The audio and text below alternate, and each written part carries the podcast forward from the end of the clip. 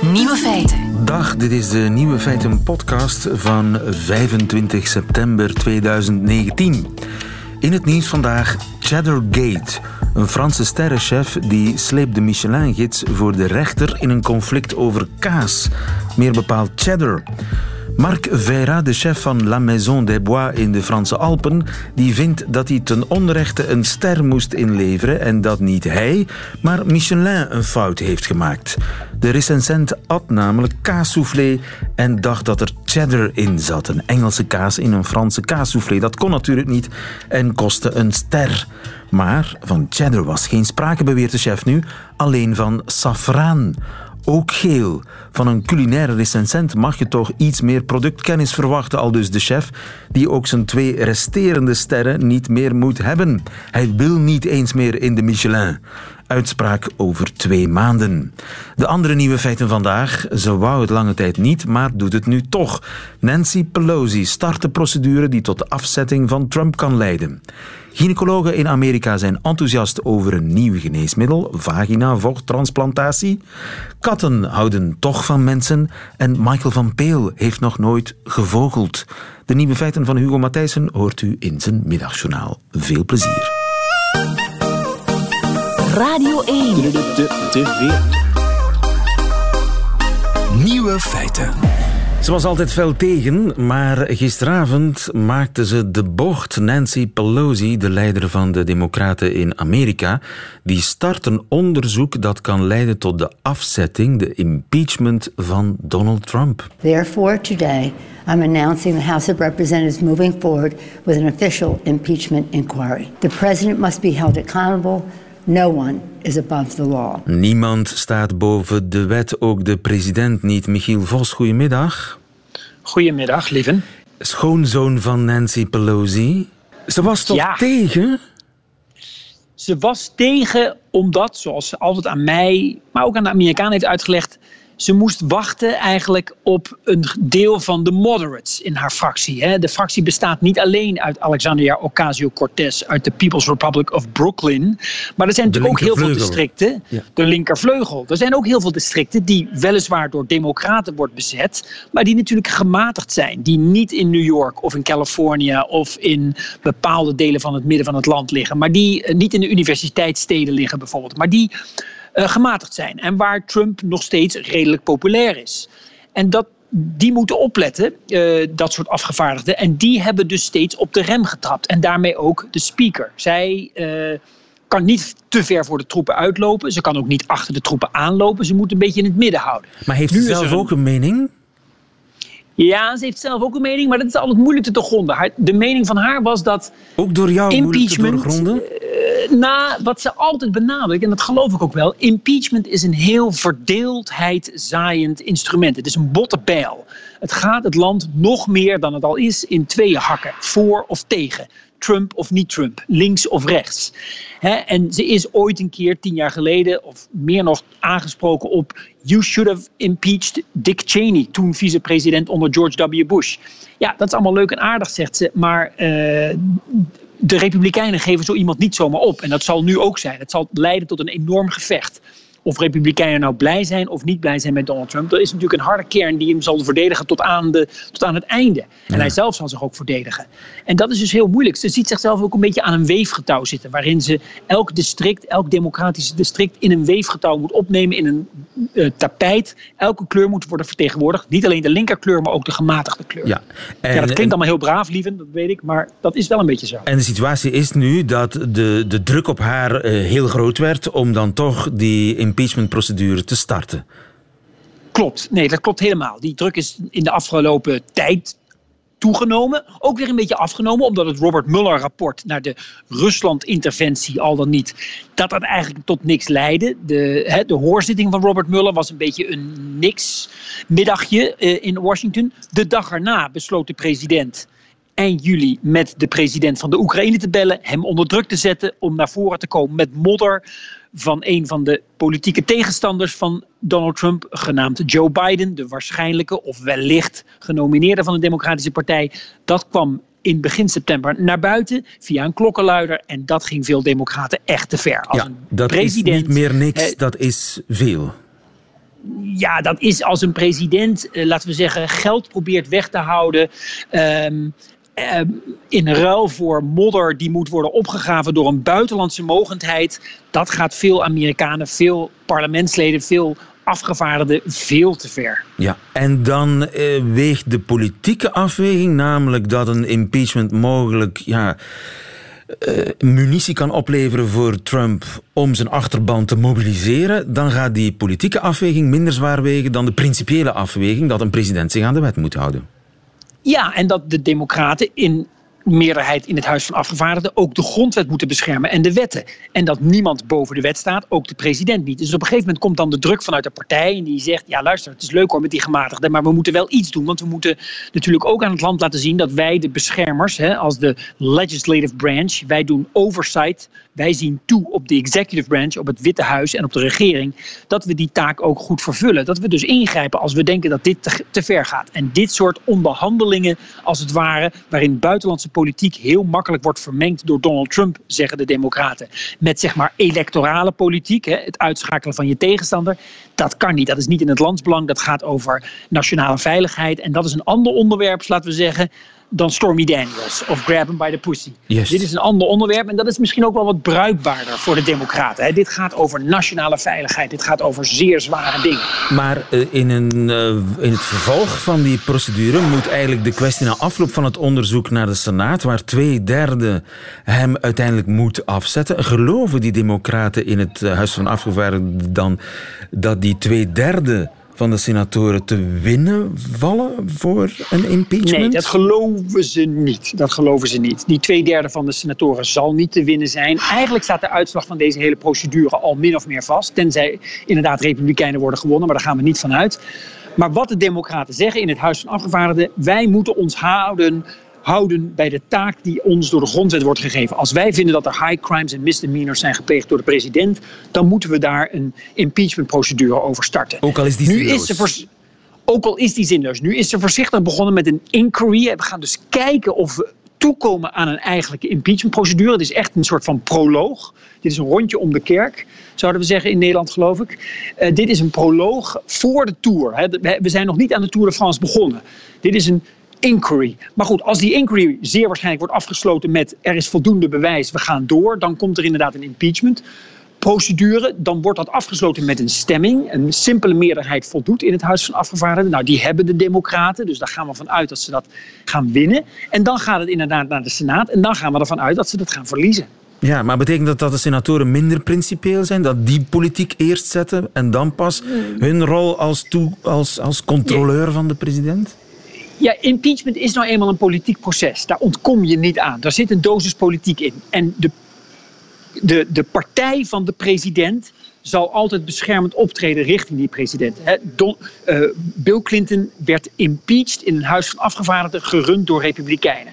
Hij zelf was democraat. In de Senaat, waar toen ik geloof de meerderheid democraat was, lag het anders en werd hij uiteindelijk beschermd. Dat is een politieke daad. En dat zal je hier ook zien. Het zijn democraten die aan zet zijn als eerste in het Huis van Afgevaardigden. Die zullen hem veroordelen. Maar dan de republikeinen in de Senaat die uiteindelijk het oordeel moeten vellen. Impeach of niet. Die zullen toch zeer waarschijnlijk hun president, hun partij beschermen. Ook al heeft hij de wet overtreden en dat zegt toch wel iets. Dat dat kan in ja, wat voor ons toch ja, de, de, de bakermat is van de democratie ook. Hè? De United States.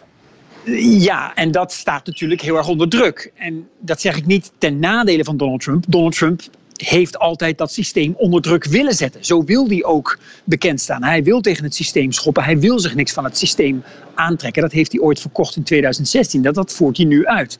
Daar zeg ik niks ten nadele van de beste man. Hij gedraagt zich niet als een president, want dat wil hij helemaal niet. Ja, inderdaad, het systeem. Het is ook maar de vraag of je echt heel duidelijk kunt stellen of hij de wet heeft overtreden.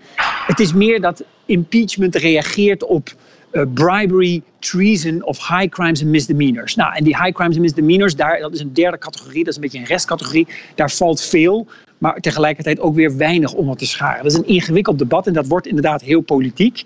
En we moeten kijken wat de Democraten daadwerkelijk aan zaak zeg maar, naar voren kunnen brengen. Als een stelletje officieren van justitie die de articles of impeachment uiteindelijk naar voren moeten brengen. Kijk naar Nixon, dat, dat, dat is het beste vergelijkingsmateriaal. Die nooit werd afgezet via impeachment natuurlijk, die zelf vertrok, maar die wel werd bedreigd met een impeachment. En dat is de beste denk ik de beste procedure om het tegenaan te houden. Ja, en uh, Nixon uh, die mocht de aftocht blazen, maar het ziet er naar uit dat uh, Donald Trump zijn slaatje zal proberen te slaan uit die, ja, dat onderzoek dat nu gestart is in de richting van impeachment. We volgen het op de voet. Dankjewel, Michiel Vos. Goedemiddag.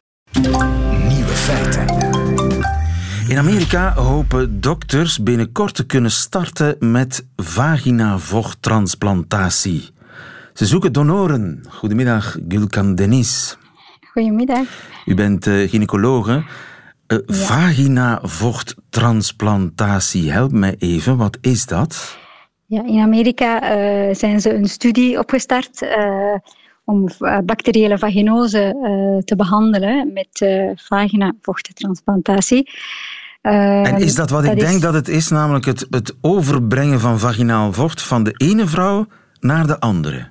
Ja, dat is het. En waar zou dat goed voor moeten zijn? Je zegt het, is een, een, het was een, de bedoeling om bacteriële vaginose te genezen. Wat is dat dan weer? Absoluut. Uh, bacteriële vaginose is eigenlijk een uh, veel voorkomende aandoening in de gynaecologie of de huisartsenpraktijk. En dat is eigenlijk een uh, onevenwicht in de vaginale flora. En uh, de vaginale flora is eigenlijk uh, een milieu waar heel veel bacteriën voorkomen. En als de vaginale flora verstoord is, dan is de evenwicht eigenlijk niet meer zo zuur en dan gaan de bacteriën een onevenwicht hebben. En dan is de zuurtegraad verhoogd en dan heb je een typische uh, rotte visgeur eigenlijk, zoals we dat noemen. Ja. En dan heb je ook heel veel afscheiding, zo'n hele typische grijze afscheiding. Ja. En uh, dan komen de vrouwen vaak op de consultatie met een typische rottevisgeur. Ja, ja. En, en, ja. en daar is heel veel schaamte en taboe over, hè?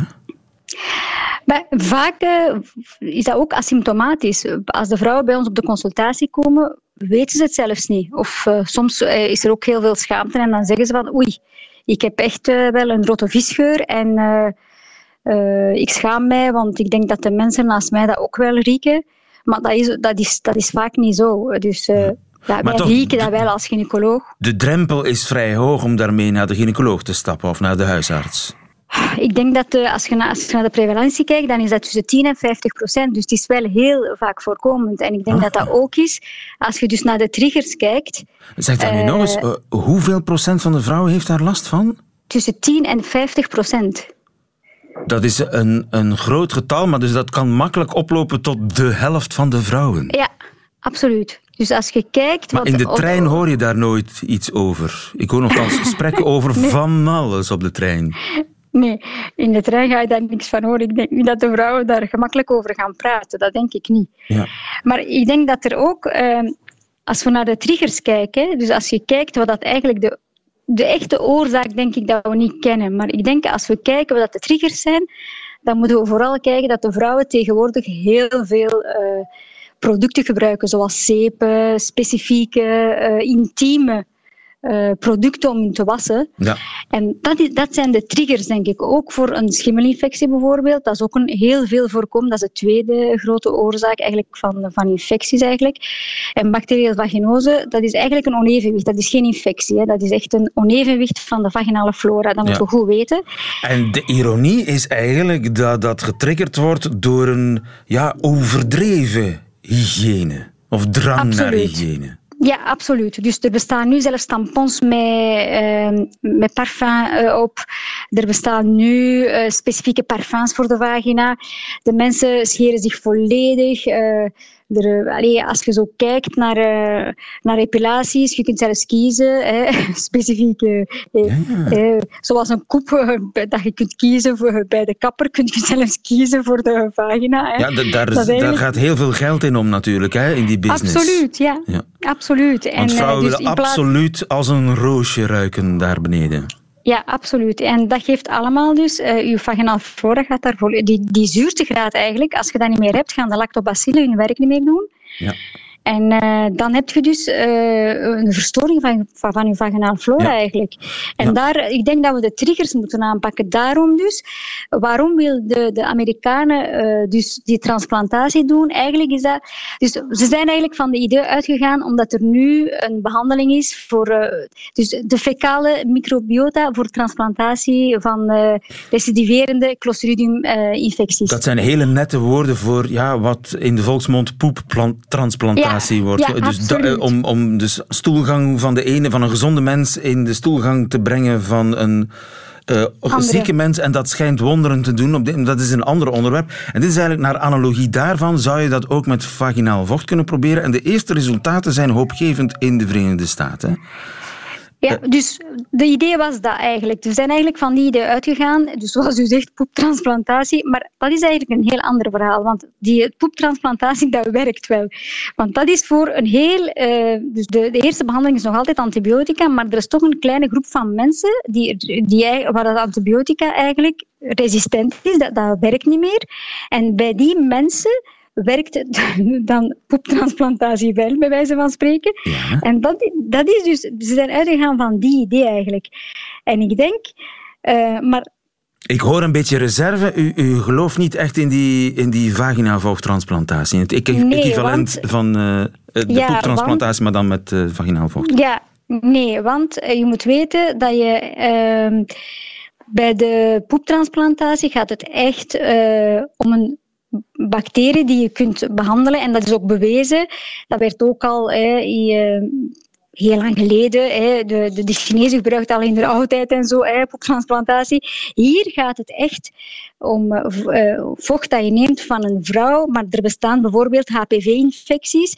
Er zijn heel veel types dat we nog niet kennen van HPV bijvoorbeeld, dat je niet kunt, denk ik, altijd controleren in een vagina uh, uh, vocht. Dat moet je goed weten. Dus geen dus, enkele eh, screening, want hoe goed je die donoren ook zal screenen, wellicht blijft er nog ergens een gevaarlijk beestje zitten die je meetransplanteert. Ja, ik denk dat je misschien niet alle eh, human papilloma virussen kunt uitroeien. Als, je mag dat nog altijd, denk ik, heel goed uh, uh, controleren. En zijn er, zijn er doenbare alternatieven daarvoor om bacteriële vaginose te genezen? Ja, de eerste behandeling is nog altijd uh, een antibioticum dat wij metronidazole noemen, flagil, hè, waar dan heel veel artsen, die, die heel veel artsen kennen, denk ik. En vooral, denk ik, de triggers aanpakken. Waarom is er zoveel recidief? Dat is omdat we de triggers niet aanpakken.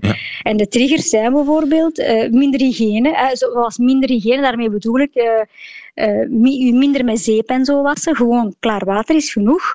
Uh, dan gaan we ook uh, de schimmelinfecties aanpakken.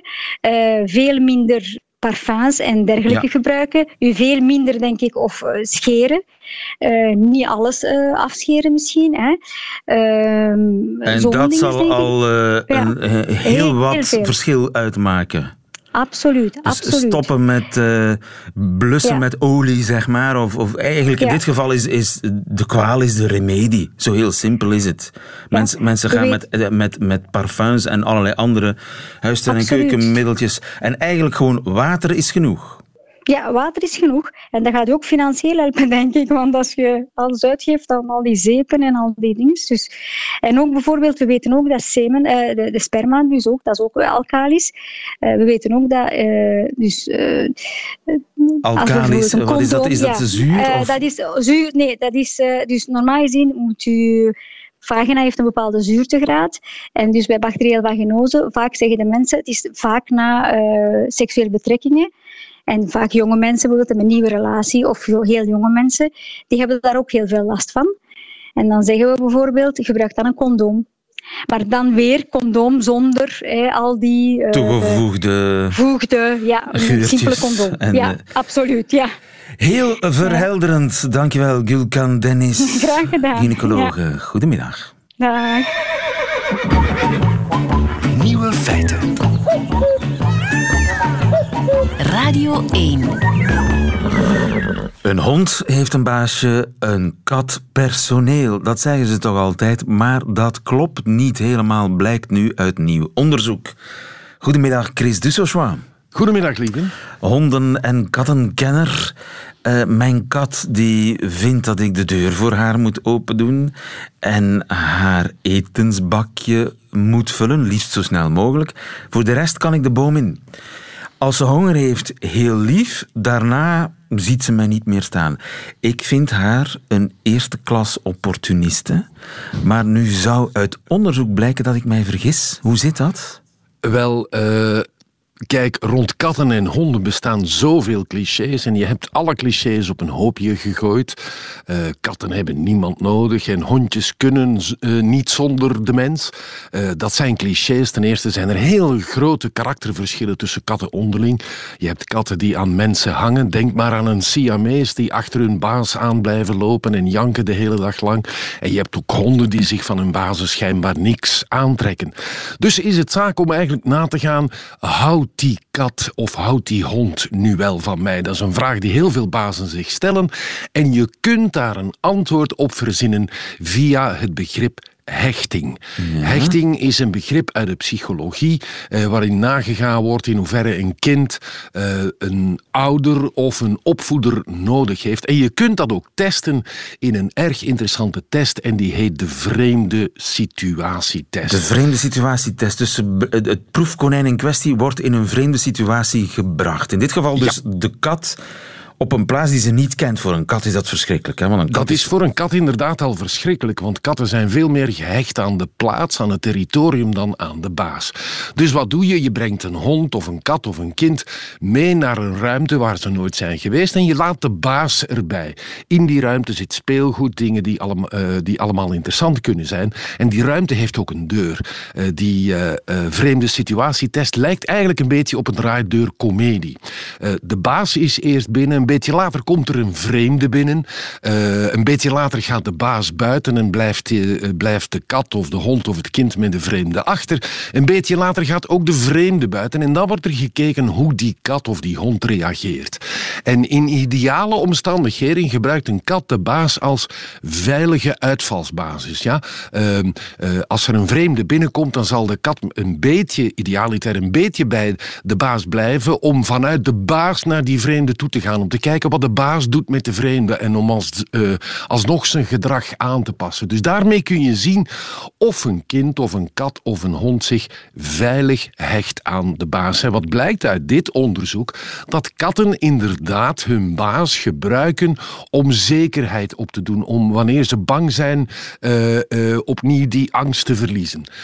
en dat is een beetje verwonderlijk. Tegelijkertijd is het niet de eerste keer dat dit wordt onderzocht uh, bij katten en de resultaten spreken, en dat moeten we erbij zeggen, de resultaten spreken elkaar tegen. Een aantal jaren geleden uh, is onderzocht, is eigenlijk hetzelfde onderzocht. Uh, en toen moest men vaststellen dat katten ehm, niet significant meer naar hun baas gingen in plaats van naar die vreemde. Dus we zitten daar nog met een aantal vraagtekens. Ik denk dat we vooral ook ervan moeten uitgaan, lieven, dat je de proeven moet aanpassen aan het dier. Kijk, als men aan mij zou vragen, Chris, wil jij de vreemde test doen met je hond, dan kan ik zo naar dat laboratorium gaan en dan weet ik al bijna op voorhand hoe ze zal reageren. Als ik de deur uit ben, dan zal ze beginnen janken, want dat vindt ze niet fijn dat ze alleen zit in die ruimte zonder mij. Uh, maar met een kat ligt dat natuurlijk helemaal anders. Je zou dit onderzoek, denk ik, voorzichtig eigenlijk bij de mensen thuis moeten doen. Bij de mensen thuis, hoe bedoel je dat? Wel, dan zit de, uh, dan zit de kat pardon, uh, op haar veilige terrein en kan je veel beter nagaan of ze inderdaad bijvoorbeeld tekenen van verlatingsangst toont als de baas weggaat. Als je haar op een vreemd terrein uh, loslaat, dan zit je sowieso al in een kunstmatige situatie. Ja, maar dus de, de resultaten spreken elkaar tegen. Wat moet ik daar nu uit besluiten? Houdt mijn kat van mij of niet? Uh, je kunt er zeker van uitgaan dat een kat van jou houdt, maar natuurlijk op een katterige manier die niet hetzelfde is als een hond. Ik las in een krant uh, dat katten precies als honden zijn en dat is zo kort door de bocht dat de auteur van het artikel ermee uitlegt. je moet heel hard opletten en ik denk dat we in de toekomst, het is een triest feit dat we veel meer weten over hondenliefde en baasjes dan over kattenliefde en baasjes. Het is een feit dat we eigenlijk in de toekomst veel meer van dit soort onderzoeken moeten doen om te ontdekken hoe wondervol de kat wel in elkaar zit en dat we weg moeten van de clichés als ja, een kat heeft personeel en die houdt mij niet van mij, die heeft mij alleen maar nodig als het daar uitkomt en een hond is een slont. Ja, maar een kat houdt van mij, maar ze heeft een beetje een rare manier om dat te tonen. Laten we het daarop houden. Dankjewel Chris Dussochois. Goedemiddag. Alsjeblieft. Nieuwe feiten. up, do it.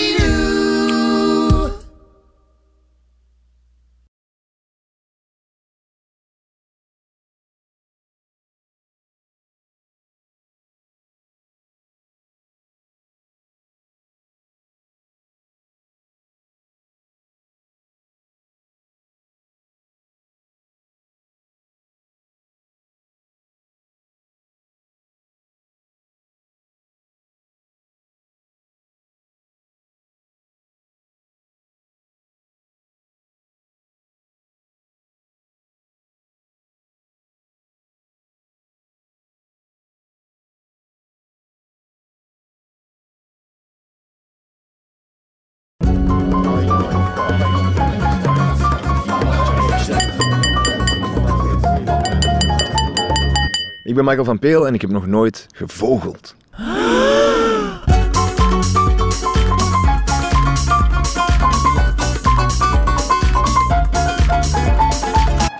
Voor mij is het heel uh, straf, omdat ik afkomstig ben van Kalmthout, wat het grootste natuurgebied is van uh, de Noorderkipper ongeveer. En anderzijds heb ik hier een boek Delta's Vogels van Europa dat ik als kind volledig kende. Dus ik, ik kon uh, elk, elk plaatje hier bij de juiste vogel hangen, maar ik heb het nog nooit in het echt gedaan. Is het wel maar eens kijken? Het is... De oeverzwaluw. Ja, de ijsvogel, kijk. Je kent dus al die vogels? Kende, 30 jaar geleden kende ik uh, ja, al die beestjes eigenlijk. Vanuit het boek, maar nooit in het echt. Bon, uh, ik kan u daar niet bij helpen. Ik ken, ik ken zelf niks van vogels, maar er staat hier iemand naast ons. Ja, dag, uh, dag Koen. Nicolai is de naam, hè? Ja, ja, Nicolai is de naam. Michael en ik horen hier geluid waarvan wij zeggen van, ah, een vogel. Ja. Kan jij op basis van wat we hier horen al een aantal soorten? Um, op dit moment horen we verschillende meisjes, uh, horen we roodborst, hebben we er juist boomklever gehoord en roept er een uh, grote bonte specht. Uh, vogels kijken is, is eigenlijk ook vooral met oren. Ah ja, we gaan kijken met onze oren. Michael? Ja. Heb je een soort van bucketlist? Van vogels? Ja? De Big Five? Ja. Ja, ik heb er maar één eigenlijk, die heb ik nog nooit in mijn leven gezien. En dat is het vogeltje dat hier helemaal van voor op staat. De ijsvogel. Ja. Maken we kans op ijsvogels, nope. Nicola? Hier helaas niet. Ah. Kunnen zeggen, ik ben Michael van Peel en ik heb nog nooit opgestaan voor echt uur 's morgens. Ik heb er weet van. Ik zal er veel te veel uit van maken. Daar zitten we bijvoorbeeld een gaai. Um, helemaal in de top van die naaldboom. Aan de rechter, hè? Ja, voilà, van boven. Ik zie niks. Een Vlaamse gaai? Een Vlaamse gaai, maar dat wordt niet meer gezegd. Oei, ze zullen hem niet temmen, die Vlaamse gaai. Heb jij hem gezien, Michael? Ik heb, uh, ik, heb iets, ik heb iets gezien. Waarvan ik vermoed dat het een vogel was. Dat is de zwarte specht, dat je nu juist hoorde. Dat, dat piep, dat klein geluidje. Uh, dus ja. hij, is, hij, is aanwezig. Hij is aanwezig. Het is een kunst van hem te vinden. Omdat ik het zei, eerst luisteren en dan zien. Hè. Je gaat hem veel eerder horen dan, dan dat je hem gaat zien. Hij zat vast met zijn pootje precies of zoiets. Ken je? Ja. Daar. Een roodborstje. Een roodborstje. Er vloog een groenling over. En in de verte horen we een middelste bonte specht. Je kunt natuurlijk zeggen wat jij wilt, Nicole. Ik bedoel... Hey. Heb jij ooit al verzonnen tegen mensen? Van... Nee. Fuck it. Ik kan trouwens een goede imitatie doen van een verbaasde oehoe. Oehoe? Sorry. Het is, het is vroeg. Jocht, dat is een chiefchaf. Kijk, en die begint nu te zingen. Chiefchaf, chiefchaf. De roodborstje, als je hier die dikke uh, loofboom ziet, ja, zie je Ah, naar boven liggen? Dat is een roodborstje. Die zitten er verschillende, hè. daar is er een van troepen, daar is er een. Hij pakte juist zo'n rupsje van op de stam zo. Dat is een boomklever op de grond. Op de grond. Nu kijken op de grond links. Michael, zie je hem hebben? Ja, weet. Ja, wat verdikken. Het is gewoon een beest. Ja, heel mooi. eh, wat paars, gr- grijs, blauw op zijn rug en dan zo van dat warm beige, eh, bruin op zijn buik. Dat is fantastisch. Ja, hier van boven zit de spreeuw, Michael. Mag ik zeggen dat ik daar niet voor gekomen ben voor een spreeuw? Dat ik dat een banale vogel vind? Ja, totdat je hem van dichtbij ziet. Magnifieke kleuren. Er fladdert hier van alles voorbij. Ja, een roodborstje. Hoeveel roodbosjes zitten er hier, man? Hier heb ik eh, in het voorjaar een zingende middelste montespek gehad. Het is wel grappig, want dat is zo'n beetje een huilende... Magnifieke vogel. Dat is een beetje de, de Keith Richards van de spechten. Allee, zo ontploft kuifje, dat buikje hangt zo wat. Is een bekjes. Een en al rock en roll, die, die specht. Een van mijn favorieten, ja. Ja, hier is hè. Voilà. Dat is een grote bonte specht op de top van die tak. Daar zit hem wegvliegen. Hij is natuurlijk alweer weggevlogen, Michael. Dus tegen dat je aan verre kijkt, tegen je ogen net plakken, ziet je een lege tak waarschijnlijk. Ja, dat is gewoon een tak wel. Ik denk dat we hem nog kunnen onderscheppen, Michael. Niet te ver gevlogen is. Helaas. Een geluid dat ik nooit gewoon vergeten dat ik s'nachts eens gehoord heb, is een geile vos. Dat al eens gehoord? Dat, dat, dat klinkt gelijk iemand die aangerend wordt in het midden van het bos. Maar hoe kom je daar, eh, daartoe? Ja, omdat je dat geluid eerst hoort, je denkt ik bel de, fl- de flikken en daarna leerde dat dat een vos Dat klinkt zo. Dat is echt dat. Een geile vos. Moet maar, moet maar eens op internet. Dat is dat echt. Heeft je echt de politie gebeld? Ons buren hadden de flikken gebeld. Ik voorspel trouwens dat we nu ongeveer een half uur geen vogels meer hebben. Sorry. Want dat is heel terzijde. Excuseer. Nou, een spechtginder. Waar? Eh, in die dooienboom, in een top van die... eh, Ah ja, daar. Ja, Ja, nu is hem verplaatst. ja dan verplaatst me niet ver, denk ik. Het is wel van, kijk daar, ja, het is weg. Ja, je moet elkaar nogal vaak op je woord geloven. Hè? snel zo... Ik kijk nogal vaak naar plekken waar daar net iets, kijken, hè. waar er net iets zat. Ja, ja. Kijk daar, wat was dat? Ja, er juist zat daar iets. Ah ja, alles Het is het idee dat telt, hè. Een lege boom. Ik ga constant dingen wijs maken. Je zou gelijk bij de voetbal zo een herhaling moeten kunnen doen. Dat is hem terug. Ja, ja, ja, ja, ik heb hem gezien. Ik heb hem gezien. Schoon, ja, ja, kijk maar. Ah ja. Maar jij komt vogelwatchen, hè, Michael? Ah ja, sorry, wacht, ik kijken. Ja, mooi. Wauw. Ja, ik, geweldig mooi. Zo die hele rode kuif, zo dat ontplofte, gezette. Uh-huh. Ja, fantastisch. Ja. De dag kan niet meer stuk. Ah nee, De week kan niet meer stuk. maak er maar een maand van. Wat verdikken. Ben je ook blij, Michael? ik ben over de moon. Ik zie het. Ik ben dolgelukkig. Ja, beetje slaperig ook wel. Ah ja, dan kun je een pintje gaan pakken. Nieuwe feiten. Middagjournaal. Vandaag ligt er een nieuw tijdschrift in de krantenwinkel, te weten het maandblad De Vlaamse Newsweek.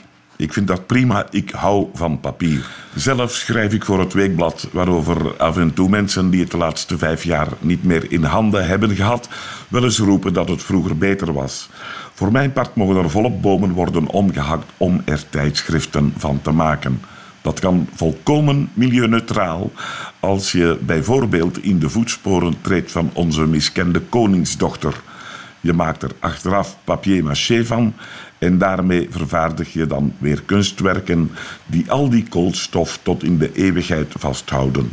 Het klimaat redden met pure schoonheid kan het poëtischer. Het boek werd al vaak doodverklaard, maar het was de e-reader die in de crematie over mocht. Misschien gebeurt er nog iets vergelijkbaars met de tijdschriften. Ik vind het zelf een bijzonder genoegen om mezelf op een middag ergens te placeren met een koffietje en een krant. Of een zogenaamd boekske. En het zou sneller dan je denkt weer hip kunnen worden. In de standaard opperde iemand dat papier een laid-back medium is. Ik had die uitdrukking nooit eerder gehoord, maar ik ga ze zeker vaak gebruiken. Al was het maar om een trendy indruk te wekken. De volgende keer dat ik een veggie-burger bestel, zal ik vriendelijk vragen om dat ding laid-back medium te bakken. Als de ober een baard draagt en een samurai-knotje, zal hij mij zeker begrijpen.